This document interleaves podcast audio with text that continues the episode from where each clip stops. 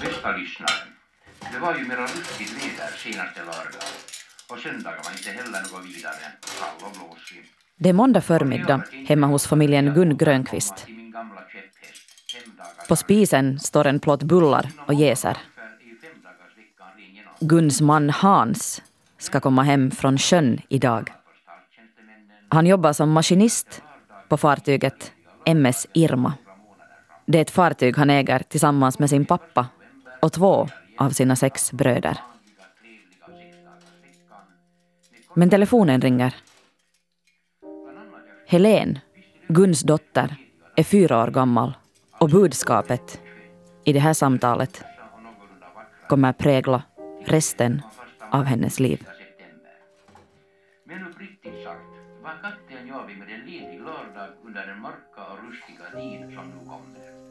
Jag kanske inte kommer ihåg äh, ringsignalen. Men det jag reagerar på är mammas utrop. Att hon ropar till eller, eller gråter till. Eller, och då rusar ju Anke och jag då till, till trappuppgången. Vi har telefonen där i trappuppgången. Och vi blir där och står när mamma pratar med, med någon som berättar då att, att de inte har någon, haft någon kontakt med Irma, att hon inte har kommit till, till Raumo. Och antagligen gråter mamma där i telefonen och, och så när hon slutar så, så kommer hon och, och säger det här till mig, eller till oss då. Och jag har inga ordagrant kan jag inte säga vad hon, vad hon säger, att, att, att, hur hon förklarar det för oss i sin chock då. Men eh, jag börjar väl gråta och, och rusar in i garderoben i vårt rum, en liten skrubb som vi har där. Och säkert lika mycket av det som hon berättar, men kanske främst för det att hon är, hon är ledsen och upprörd och gråter. Så det är det som, som gör mig liksom förvirrad och, och rädd. För mammor gråter ju inte så där vanligtvis.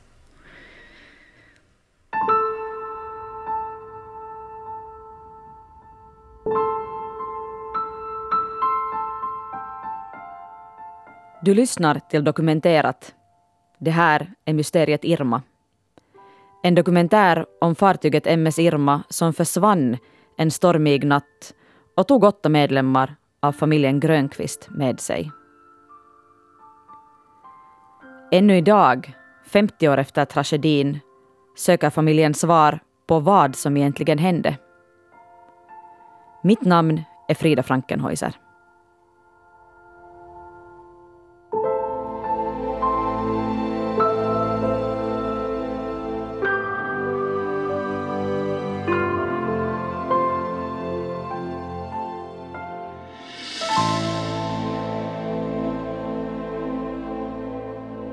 Natten mellan den 25 och den 26 oktober 1968 förliser fartyget MS Irma på norra Ålands hav.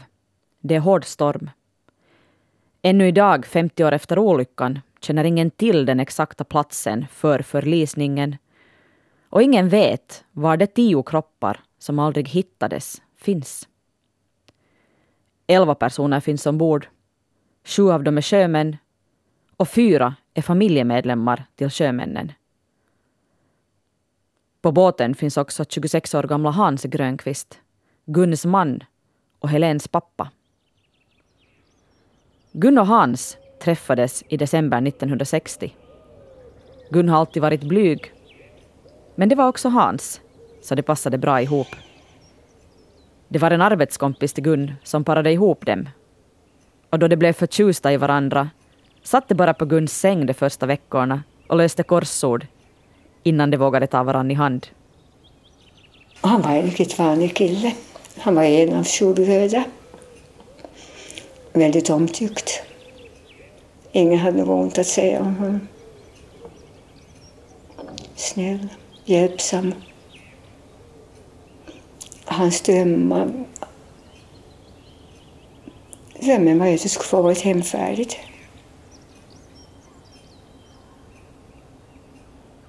Och det där, så var han ju jättemusikalisk. Vi hade gemensamt att jag har, jag har sjungit ganska mycket och, och han sjöng jättebra. De var alla musikaliska de där killarna. Att vi hade nog inte något band sen med inspelningar men någonstans hade de försvunnit. Skulle kiva ha dem. Han sjöng ABBA med den tuolla puolen, jossakin on maa. Fanns inspelad. Och jag sjöng på samma bar. Jag ska måla hela världen, lilla mamma. Det kommer jag ihåg.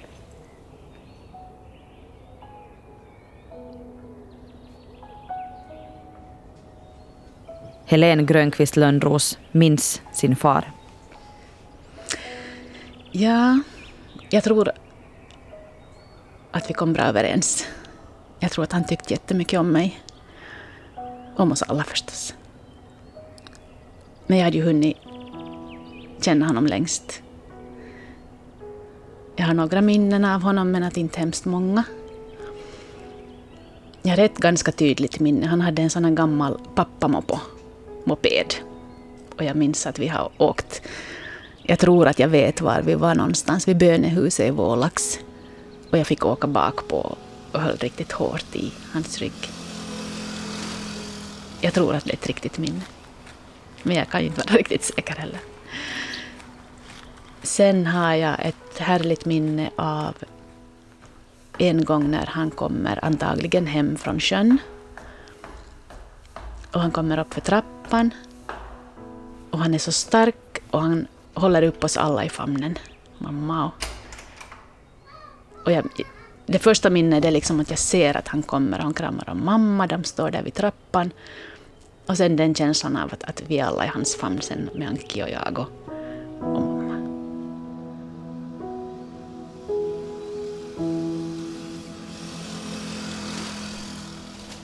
På fredagen var befälhavaren på fartyget MS Irma, 530 dödvikton, sista gången i radiokontakt med fastlandet. Idag inleddes storspaning. Sten von Hellens har följt med läget från Åbo. Efterspaningarna av Borgå-fartyget MS Irma har varit igång hela dagen idag. Och för några ögonblick sedan var jag i kontakt med befälhavaren på ett av de fartyg som har sökt Irma, nämligen bevakningsfartyget Silmä och kaptenlöjtnant Kai Halonen. Men alltså, vi ska få hjälp av flyg imorgon bitti i alla fall. Om det blir sån där sikt att de kan hitta någonting där. Och Om de har möjlighet att flyga. Ni har inte sett någonting idag? Vi har inte sett någonting idag. Ja, det finns en massa vaktfiskare här på området och de har inte hittat någonting de heller alltså. Men de ska titta lite runt där. Hörbarheten till bevakningsfartyget Silme var inte den bästa, men kaptenlöjtnant Halonen kunde förutom detta säga att vädret har blivit en aning bättre och att sikten tidvis är uppe i 10 miles, men sjögången är fortfarande hård. Fortfarande alltså inget spår efter Borgofartyget Irma och man kan nästan börja ana det värsta för i så pass livligt trafikerade farvatten som det som Irma rörde sig i försvinner inte ett fartyg utan vidare. Strax efter att Gun får samtalet om att Irma aldrig anlöpt hamnen i Raumo knackar det på dörren. Det är före detta hyresvärden Etel. Etel lastar in Gun och de tre barnen i sin bil och kör hem dem till farmor Agnes, som bor bara en kilometer längre bort. Agnes mister i olyckan fyra söner, tre svärdöttrar och ett barnbarn. MS Irma är familjen Grönqvists familjeföretag. De sju sönerna och pappa jobbar som styrmän, kaptener och maskinister. Deras fruar sköter maten och hjälper till i skeppsköket. Också Gun har varit med ombord flera gånger. Men sen hon fick Macke har hon hållit sig på torra land. Vanligtvis är det farmor Agnes som lagar mat i kabyssen. Men just den här gången vill svärdottern Mirja med. Ombord finns också Mirjas man Sten och deras äldsta son, två år gamla Kim. Det är bara familjens spädbarn Dan som stannar hemma. Det skulle ha varit farmor. De skulle fara med men de beslöt att farmor blir hemma med Dan och Mirja far med. Att det är underligt. När man tänker. Att vem är det som styr?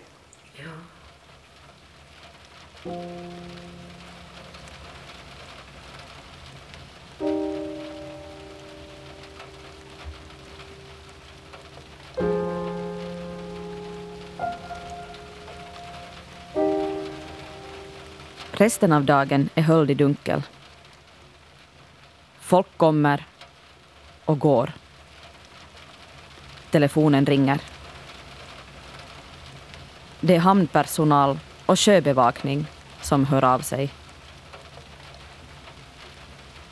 Men tydligast är ångesten och krampen inombords.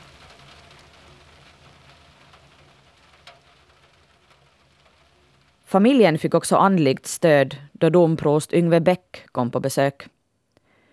Gud ger var och en bara så mycket man står ut med, var domprostens budskap till den sörjande familjen.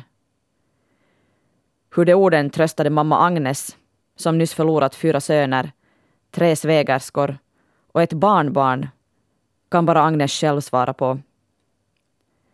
Men för lilla Helen, fyra år, hade det varit bra också med annan professionell hjälp.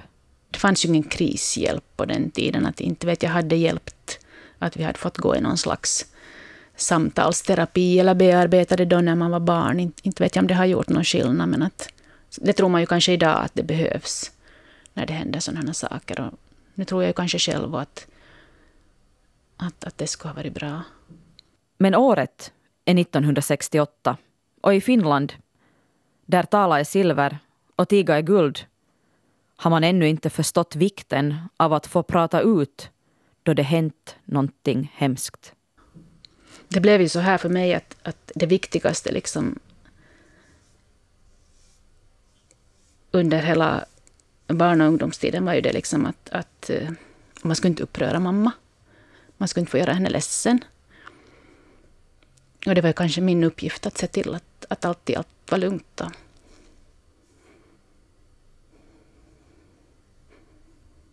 Att det var säkert nog nästan värre den där chocken, säkert då den första tiden att, att, att folk var ledsna och mamma var ledsen. Och det var ju fruktansvärt när man var fyra år. Att för att man visste att, att det beror på, på att Irma har förlist och min pappa är död. Men, men sen blev det liksom jätteviktigt att aldrig, aldrig göra sånt så att, att hon fick orsak igen att bli ledsen eller upprörd. Eller.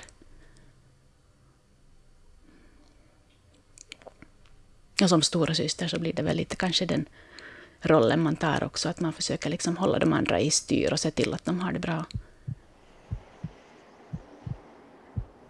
Ännu som vuxen är hon fången i samma känsla.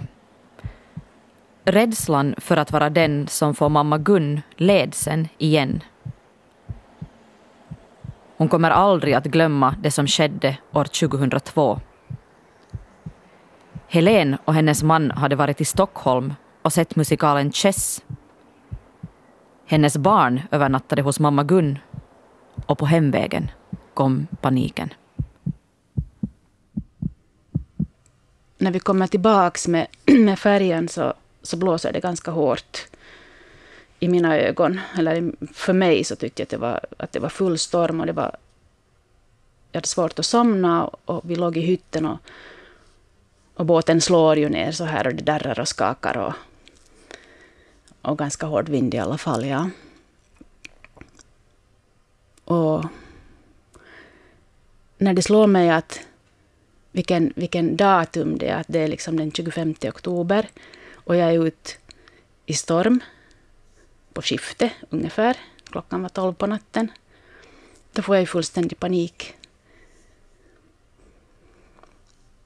För då tänker jag liksom i första hand att att det här kan inte hända min mamma, att vi förliser på Ålands hav den 25 oktober 2002 och barnen är hos henne. Men det, allt gick ju bra. Och det visste jag ju säkert innerst inne, men man släpper liksom den här paniken att ta, ta överhanden, så då blir ju allt just precis så där så svart som det är i ens värsta, värsta mardrömmar. Men så här liksom har jag fungerat ungefär hela mitt liv.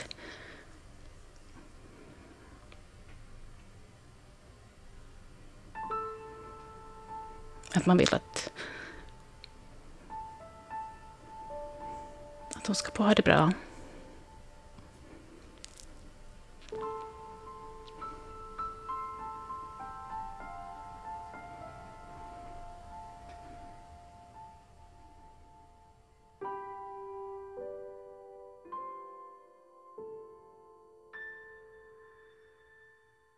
Thomas Grönqvist är 54 år gammal. I halva sitt liv har han intresserat sig för material som är relaterat till MS Irma. På dvd-skivor och i mappar har han tv-nyheter och tidningsurklipp från år 1968.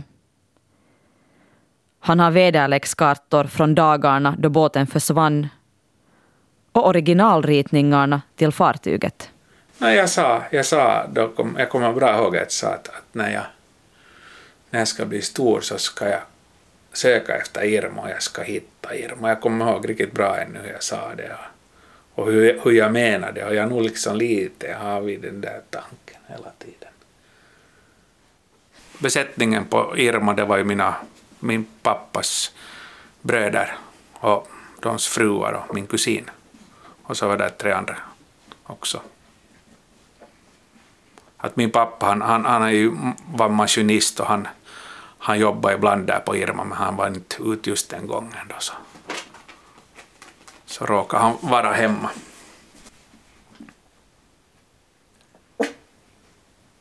Men det var ju andras pappor som var med. När MS Irma försvann var Thomas bara fyra år gammal. Men han minns både bröderna Grönqvist och fartyget. Det kommer jag ihåg att jag har en gång varit ombord på Irma när jag var liten. Att de kom in till Vålaxfjärden. Det var någon gång sent på, eller kanske jultider eller...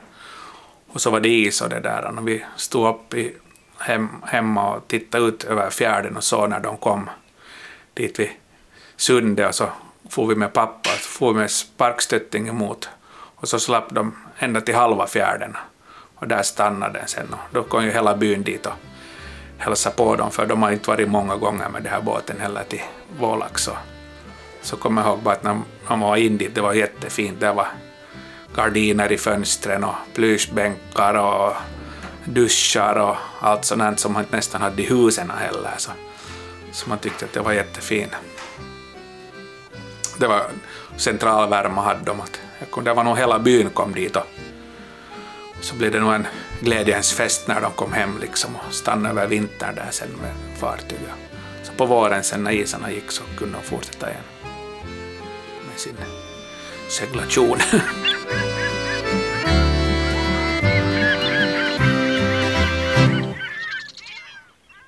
Men sen ändrade det nog livet efter olyckan så blev det nog annorlunda sen.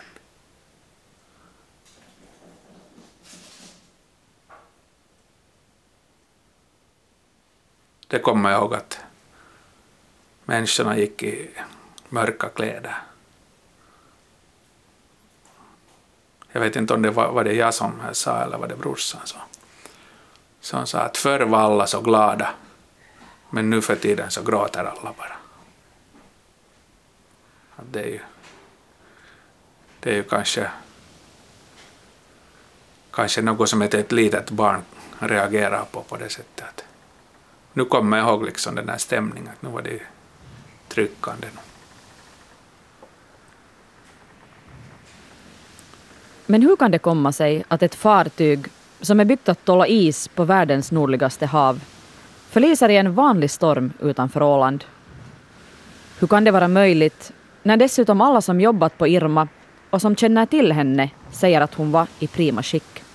Att sjömännen ombord var kunniga och att det ombord fanns all utrustning som behövs för att klara av nödsituationer och hårt väder. Det finns många teorier. Det har skrivits om den nya motorn som var för stark för fartyget, om lastluckorna i trä som var för slitna och om det 80 meter långa plaströret som drev omkring på Bottenhavet. Men det har också pratats om kalla kriget, minor och ubåtar. Spaningarna efter den försvunna 500-tonnaren Irma med 11 man ombord fortsätter oavbrutet. Vädret på området där Irma befaras ha gått under är mycket dåligt. Tidigare meddelade... Och det som var det sorgliga också så skulle de vara in på lördag morgon och gänget var beställt och kom ner och skulle lossa. Men båten var inte där. Men det kom inga fram liksom. Mäklarkontor och allt var också stängt på lördagen sen. De hade beställt, skulle lossa det där på övertid på lördagen. Att de bara skulle slippa igen till stick iväg. Nå, så, så blev det inga anmälan sen förrän på måndag morgon när, när, när Sandberg kom till jobbet. Då så, så, så sa han att, så slog han larm då liksom att nu, nu är det nog något hänt någonting. Nu kunde man ju vara bort någon timme och ankra om det var hårt väder. Och, men, men, men det var för lång tid, lång tid till varför. Lördag morgon till måndag. Så då låg ju den där flottan dit och åka också i flera dygn. inte ut och in. Att man hittade ju det på sådana ställen som inte båten egentligen går aldrig liksom. Det är den far med strömmarna dit. Det säger Bengt Grönqvist. Han nås av beskedet när han är i Manchesterkanalen i England. Han är en av tre bröder som inte är med på Irma under hennes sista resa. Bengt har under tidigare år varit kapten på Irma men jobbar på ett annat fartyg, Svanborg, då olyckan sker. Svante Grönqvist är småkusin till de sju bröderna. Han är också sjöman och tidigare skeppare på Irma. Det var helt andra tider. Nu för tiden om man är två, tre timmar med de här Juppi-telefonerna och det och så får man ju reda på. Men inte ringde vi ju ett samtal vi heller fast vi ju blev, vi skulle vara till måndagsmorgon ner till, till, till det här och börja lasta i Sverige. Men vi kom till måndagskväll men inte hade vi ju meddelat åt någon där på lördagen och söndagen utan på måndagsmorgon ringde man till mäklaren och sa att nu är vi nog för sena att vi fick så dåligt väder. Och då fick man ju en jävla skopa ovett emot sig. Nu är det nu väl fan att de andra har gått och ni ligger och gömmer er. För att det blåser alltid ganska mycket mindre på kontoren som vad det gör i sjön. Irma byggdes år 1947 i Norge. Hon var dubbelbottnad och ursprungligen avsedd för sillfiske på isrika vatten. Besättningen är erfaren. De har kört med den 44,6 meter långa och 7,6 meter breda båten sedan familjen Grönqvist köpte henne år 1961. På torsdag eftermiddag avgår MS Irma från Klaipeda i västra Litauen. I lastrummet har hon stenkol, antracit. Det var väldigt, väldigt, väldigt bra sjöfolk. Och hade, var ju helt underfund med båten för de hade kört med den i fem sex år att de visste precis vad den tålde. Och inte var det på något vis heller en ny last, det här antraciten. Inte, då de skulle räknas till världens bästa last också genom att rummet var helt fullt och ändå var inte dödvikten riktigt så mycket som hon skulle kunna ta. Det var bara cirka fem. Det var 480 Ja, 470 ton eller 80 hade han. Det var inte fullastad ens heller. Men rummet var nog fullt fyllt av det där kolet. Ja, som det var. Sedan fortsätter resan mot Raumo på finska västkusten. Planen är att gå väster om Åland, via Ålands hav och upp i Bottenhavet. Men något oväntat händer. Och efter klockan nio på fredag kväll finns det inte längre kvar några spår av fartyget.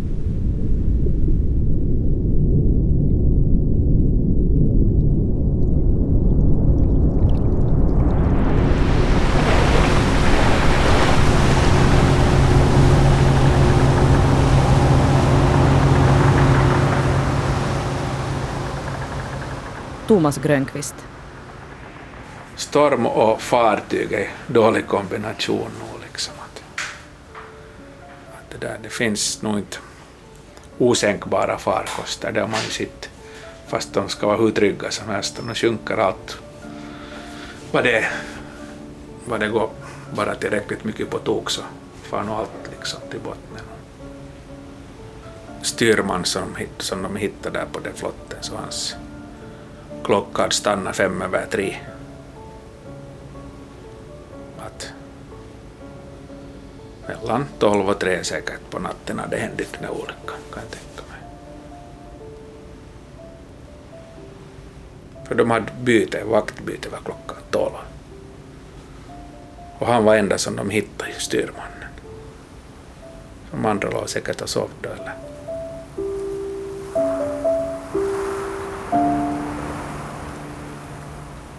En teori är att den nya motorn var för stark. Allt som vi pratar ju är ju spekulationer. Men min uppfattning är, vi var alla utav den uppfattningen som hade seglat med Irma, att hon kan inte, det finns inte så mycket vind här i de här trakterna om den är bakifrån, att hon inte klarar sig. Men det var ju en annan sak, att när vi seglade där, Pino och jag, så gick hon åtta knop. Nu hade de en ny maskin in och kom upp till tio knop. Och om de inte sakta då så finns det en risk att hon åt ner sig så pass djupt att luckan blev helt under vatten med påföljd att det blev tryck underifrån och luckan slog upp med en gång och då går det väldigt kvickt att hon sjunker. En annan teori är att de slitna lastluckorna gav vika. Det var ju lite så med Irmas träluckor. Man använde dem väldigt mycket. Varje gång som man lastade och lossade så skulle man ju ha avplockat dem. Och man körde ju normalt sådana laster som inte var så ömtåliga för vatten heller. Som man luckade på naturligtvis och satt sina presenningar men man gjorde inte lika omsorgsfullt som om man skulle ha vid en last av typ papper eller någonting annat. Och den här antraciten var ju inte minsta ömtålig heller för, för överspolande vatten eller regnvatten. Så det finns en chans att det inte var riktigt så hundra procent sjösäkert gjort när man gick från Klaipeda utan man räknade nu med att vackert väder är det och lasten är inte ömtålig så vi lägger nu bara fast kilarna och men kanske fuskar fast med silbommarna som sen skulle vara ännu överlasten. Eller överluckan, ja. Men det där, det där vet vi att, att luckorna ju blev slitna när man kastade dem av och, av och på där och man hade ju inte förnyat luckorna men heller på många år. Inte att de var ju lite slitna. Men de var nog fullt bra vad man gjorde omsorgsfullt. Det finns också en teori om att båten skulle ha överraskats av ett 80 meter långt och en halv meter tjockt plaströr som drev omkring. Men så kom det ju, så var det nog ett rör som inte var anmält från finska sidan som låg och drev de där lossa från en bogserbåt. Och, och om de då skulle ha kolliderat både på det att det skulle ha svängt den på något vis. Om du får ett sånt där rör emot dig i mörkret så kan du göra vilka girar som helst liksom. Och I Huvudstadsbladet den 23 november säger sjöfartsöverinspektör Arvo Sainio att han tror att Irma kan ha kolliderat med det 2000 kilo tunga polyetenröret. I tidningen står det att röret, som drev i land på Saggö norr om Åland, har blivit påkört och har spår av propellerskador och av grå målarfärg på sig. Sjöfartsöverinspektör Sainio drar ändå enligt tidningen tillbaka sina slutsatser några dagar senare.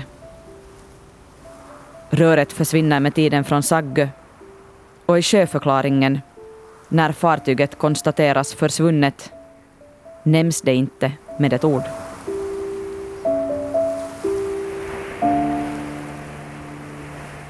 Thomas Grönqvist, som har intresserat sig för händelserna kring Irmas förlisning i många år, säger att det finns lika många teorier som det finns berättare. Och en teori, som inte kan bekräftas på något vis, handlar om kalla kriget. År 1968 var det kallt krig i världen och i medierna kunde man läsa om ubåtar som dök upp i våra nordiska vatten. Efter att Irma förliste fanns det folk som frågade sig om fartyget kan ha stött ihop med en ubåt på åländskt vatten. Så finns det så mycket vilda teorier till och med att, att det där att de har kört i kollare fast med en ubåt eller blivit kört på en mina eller och det där med minor det, det, det var nog det fanns nog minor och finns ännu till och med att mamma och pappa de var på en, på en fraktfartyg var det 1961 och då var de riktigt nära att köra på en sån här mina som det där som hade kättingen rostat, den flöt upp till ytan och de var bara var det en par meter från. De fick just väja så mycket att den får helt fast i sidan. Skulle de ha kört på så skulle de nog... Att det kan ju vara något sånt då. Och ibland slås Thomas själv av tanken att Irma faktiskt aldrig sjönk, utan att hon fortfarande finns någonstans. Jag, jag har rest ganska mycket annars och varit i olika länder. Alltid när vi vid några hamnar och sånt så, så har jag alltid lite tittat med det ögat att är här någon bekant skuta eller fartyg. Så det är nog säkert sådär under som man liksom kikar att skulle det där kunna vara, skulle det där kunna vara liksom. För det kan, ju, inte kan vi ju garantera att den ligger på havsbotten heller, för ingen vet. Man vet ju inte, men det, det är faktiskt spekulationer Ja, det ja. sen. Det är ju,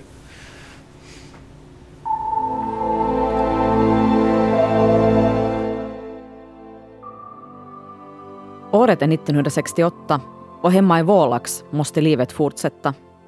Också för Gun Grönqvist, som nyss blivit änka med tre små barn. Huset ska städas, mat ska lagas, vatten bäras och kläder tvättas.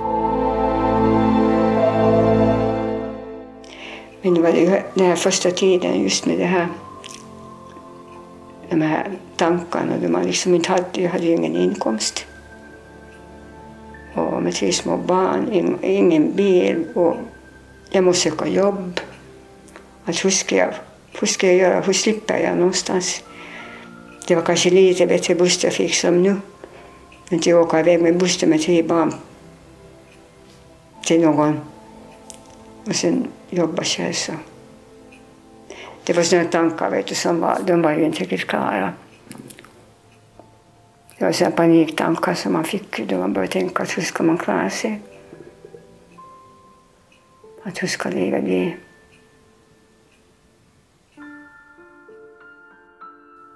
Men innan Hans går kommer han till henne i en dröm. Så glömde jag att han stod i dörren och såg på mig. Och jag sträckte ut mina armar och skulle ha, jag, jag låg i sängen. Men han bara såg på mig med en sån där blick att det där på något sätt så är jag vemodig. Jag tror att han tog adjö mig då. Jag är säker på det. Att det var då som det hände. Den natten. Att han är, jag, ser, jag ser precis framför mig nu hur han såg ut. Just den där blicken vet du, som han gav. Att det var en sån blick full av kärlek och ömhet och vemod på något sätt.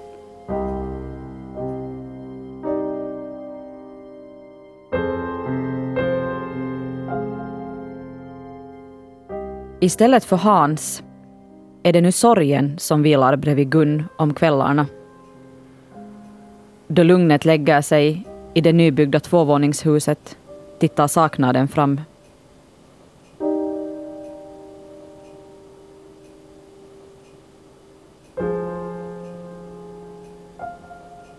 Sorgen visade sig på det sättet att man inte kunde sova på natten. Man låg vaken. Gick till fönstret och såg kommer han?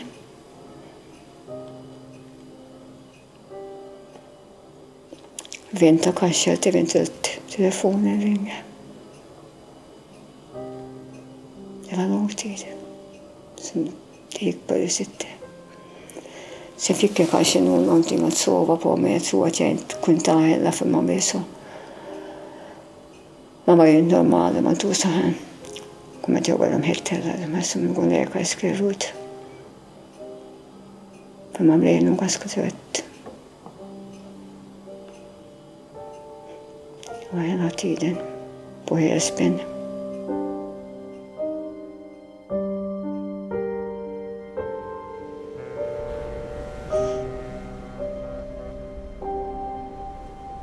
Det tog år innan Helene klarade av att se filmen Titanic på TV.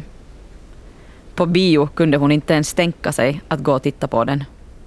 Den när Estonia sjönk, det var jättejobbigt. Just för det fanns det där mayday-ropet och det, det liksom... Jag hade i mig ännu den här. Jag ville ju inte se på nyheterna och följa med egentligen alls. Jag tyckte att det var... Det var jobbigt helt enkelt. För då gav det ju liksom sådana associationer till att hur det kan ha varit då. Så det var ganska tung tid, 94. Och överlag när det händer sådana här andra tragiska händelser så, så blir man ju påmind. Men det är ju det är så som det är. I december 2017 kantrar en lotsbåt utanför Emsalö i Borgo. Två kutterförare omkommer och också den här olyckan utlöser tunga känslor hos Helen. Då blev jag glad när man fick en möjlighet att delta. De hade någon insamling som man fick skicka pengar till de som blev kvar, till familjerna. På något sätt kändes det jättebra att man kunde delta då i den insamlingen för att vi fick ju väldigt mycket hjälp. Som jag minns eller som jag vet att folk skickar ju presenter och paket och pengar och den där första tiden efter olyckan. Och det minns man ju liksom med värme på något sätt att helt okända människor från hela landet skickar hälsningar och små presenter. Det är jättefint. Men man har det i sig kanske för att nu kändes det just så här att oj vad fint att man kan på något sätt visa sin medkänsla med de som är drabbade. Den här gången och i Borgå. Familjen fick julbesök av två olika lucior. De fick pengar från Borgos och Helsingfors Lucia-insamlingar. Och på julen kom det paket på posten med kläder, sockor, vantar och godis från snälla människor som sörjde i hela Finland. Och just den där första julen, så det var ju nog på ett sätt ganska bedrövligt. Men det där, där fick vi en massa, massa be, med bevis liksom på folks omtanke. Att barnen fick ju julklappar från alla håll och kanter. Man kunde inte ge vet du, alla paket åt dem för det var så massor. Otroligt att folk ställer upp.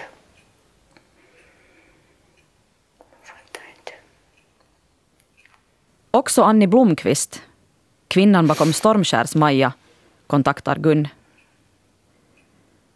Hon vet hur det känns att förlora och sörja. Annie miste både sin man och sin son i en drunkningsolycka några år tidigare. Annie Blomqvist skickade där garn till Socko. Jag tror att det var hennes egna får kanske.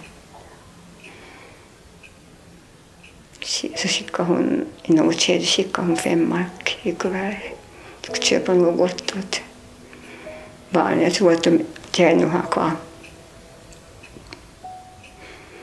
den där femman som ett minne. Gun tar fram en bunt brev och kort från år 1968. Ett av dem kommer från en av dåtidens främsta konstnärer i Finland. Det är finlandssvenska Lennart Segerstråle med fru Marie-Louise som hör av sig. Så kom här, jag kan visa det. Kan du läsa vad det står? Står mina Fru Gun Grönqvist, vi har inte träffats personligen, men vi har hela tiden under denna svåra tid träffats i tankarna. Vi har själva mistat våra två söner. Den ena drunknade, den andra stupade och förblev på slagfältet. Vi förstår därför något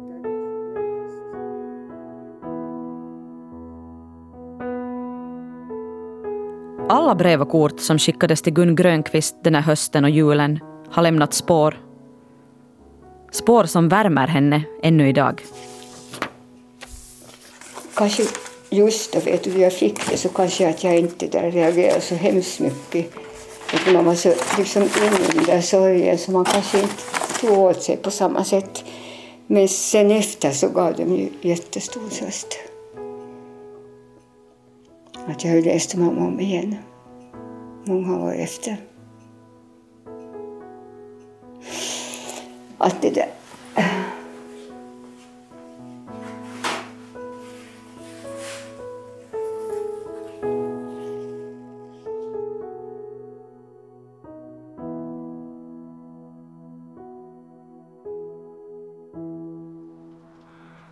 I oktober har det gått 50 år sedan fartyget MS Irma från den lilla byn Vålax i Borgo förliste med 11 personer ombord. Men historien om vad som hände den där ödesdigra natten är inte slut här. Fortfarande vet ingen var eller varför hon sjönk. Men mycket är på gång just nu och bland släktingarna närs ett hopp om att den här sommaren kan ge klarhet i Irmas öde. I sommar ska ett team hobbydykare ut på norra Ålands hav och leta efter vraket. Målet är att spaningarna ska resultera i en TV-dokumentär. Och på hösten ger en släkting till den drabbade familjen Grönqvist, Cecilia McMullen, ut en bok som dokumenterar händelserna kring MS Irmas förlisning. Min syster vill ju gärna, hon har alltid pratat om att hon skulle vilja att de skulle hitta den. Men där är jag kanske lite rädd just för det här att, att vad river det upp? Att får man då liksom, sätta det fantasin igång, att hur har det varit de här sista timmarna eller stunderna eller... Inte tror jag att det är svar på de frågorna heller, men att det är kanske är det som är lite, lite så här motstridigt hos mig. Att jag nog accepterat att den ligger där och, och där är de begravda. Och det är bra så.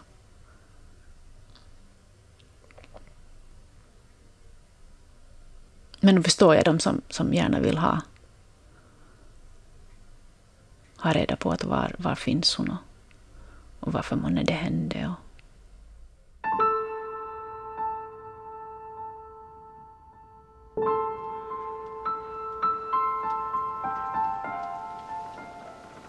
Du har lyssnat till Dokumenterat. Mysteriet Irma.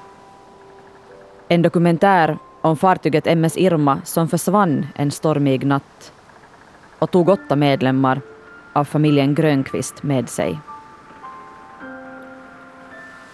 Producent är Staffan von Martens. Dramaturg Are Nikkinen. För ljudarbetet står Johan Hellman. Och jag heter Frida Frankenhäuser.